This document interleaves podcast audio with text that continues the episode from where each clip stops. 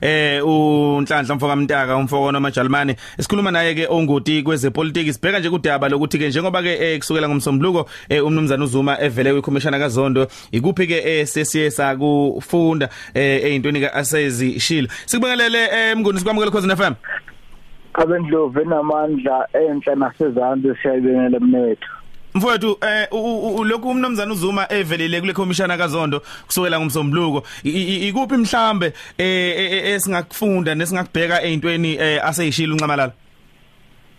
Ngifisa uqale ngibuyisele abalaleli kulokho esakhuluma uma lisombuluka eh ngoba kumqoka okokuqala ukuthi kusasekuseni eh usazoqhubeka enze isethulo sakhe umsholozi ngakho aku ungayenzi ingozi yokuthatha bese uyanquma ukuthi sekuyini ake ulinde nje aqede eh, ngolesihlanu mhm. eh, bese siqala ke sibuka ngokujulile kodwa kukhona izinto ezingane ezimbili ezintathu esesingazisho mm. ngesethulo sakhe eh, siphinde futhi mhlawumbe sizame ukuyihumusha ukuthi empeleni ngabe ziyapi noma zisho ukuthini. Mm. eh okokuqala uqinisekisa ukuthi umnomzana uZuma akaneme ngendlela abathize kakhulukazi abameli becommission athi bamphatha ngayo yena njengomnumzana uZuma.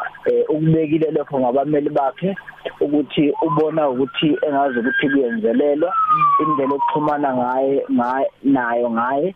Kanjalo nemibuzo ebekwa kuye isibonelo eh ukubekile ukuthi uyamangala ukuthi kungani ebizwa kuthiwa akazophendula kokunye ngezinto zabantu abazisho bengalifakanga igama lakhe uyakhumbula ukuthi eh ngomsomluko sakuveza ukuthi kuncane kabi okuthinta igama lakhe ngqo? Bonke abantu bathi kuthiwa noma omunye umuntu wathi uyedwa umuntu namhlanje.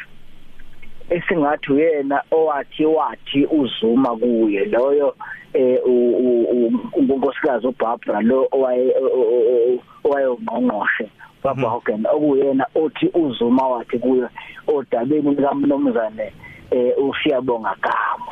Eh kufanele uzuma iphendulele kulokho ngicabanga ukuthi ngisenginayo emqondweni impendulo angayiphendula kodwa uyena ke ozophendula ukuthi kwakwenze njani ngaso sikhathi.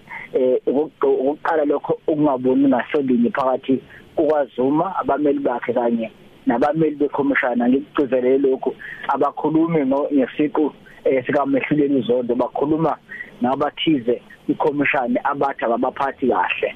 Eh okuyinto leyo ke ngathi uma kuyiqiniso bese idala eh, udaka kule commission okwesibili esingakukhuluma akokuthi umnomzana uzuma ngokuchule eh utshale lo esingakubiza ukuthi imgoga nje eyahlukahlukene ubantu abe abahlukene.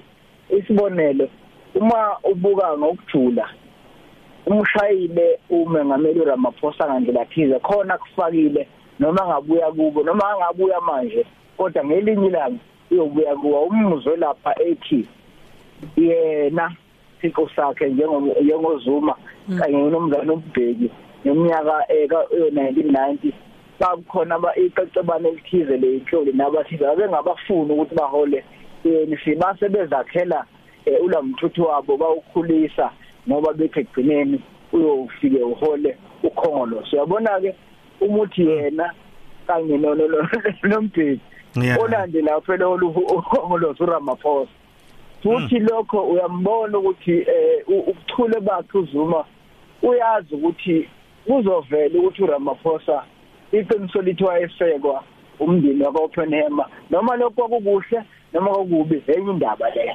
Mm. okwesibili kuzovela ukuthi umndeni wakwaOppenheimer eh uwona owenza kwanezingxoxo eh umnomzana uMandela ngisho ezinye lokuthiwa indlu nje yakhe enye yake yakhokhelwa yibo laba kwaOppenheimer uzanywa njalo ukuthi kube nozinzo eningizimu Afrika. Ngamafuphi uzuma kwazile ukudlala ngomlando awaziyo ukuthi uwazi ukudlula abantu abaningi aziyo futhi ukuthi ukhona ubufakazi bawo olunye udaba lwesithathu engicabanga ukuthi ulenze ngabomu ulolu lokuvela kwabantu ababiza ukuthi babe izimbede yabona ukuthi abantu ngede emhlabeni wonke jikelele ake alikaze livunywe eh akekho uvuma umuntu ingede eh wazile ukuthi inkulumo mpikiswane leyo engaba ngaphakathi eqenjini inkulumo mpikiswane leyo engadala ukukhuluma eh engamenza futhi akholakale. Kodwa iqiniso esilaziyo sonke lomlando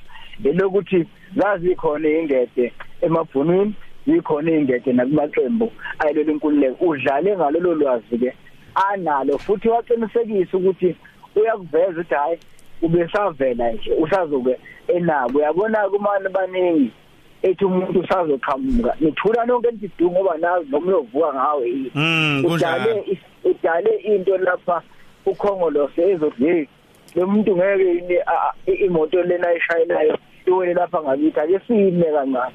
Okukuthuleke lokho uma uzama ukuphikisa noma ukulwisana abantu abalwa nawo. Kodwa esingakusho manje njengoba ngishilo ngomsomluko ngisho imibuzo yabameli becommission ayikasho ukuthi eh uzuma wenzeni. Isabuza eh abantu ukuthi ngenzeka imlokhu kuyahlangana lokhu lokhu kuyahlangana lokhu. Uyedwa umuntu namhlanje njengoba ngisho owathi wathi uzuma kuye. Ngomnumzana usiyabonga gama eh angaqashwa omunye umuntu akaqashe yena kwa Transnet uzoyiphendulela ke uzokuthi wayekushiswa yini lokho?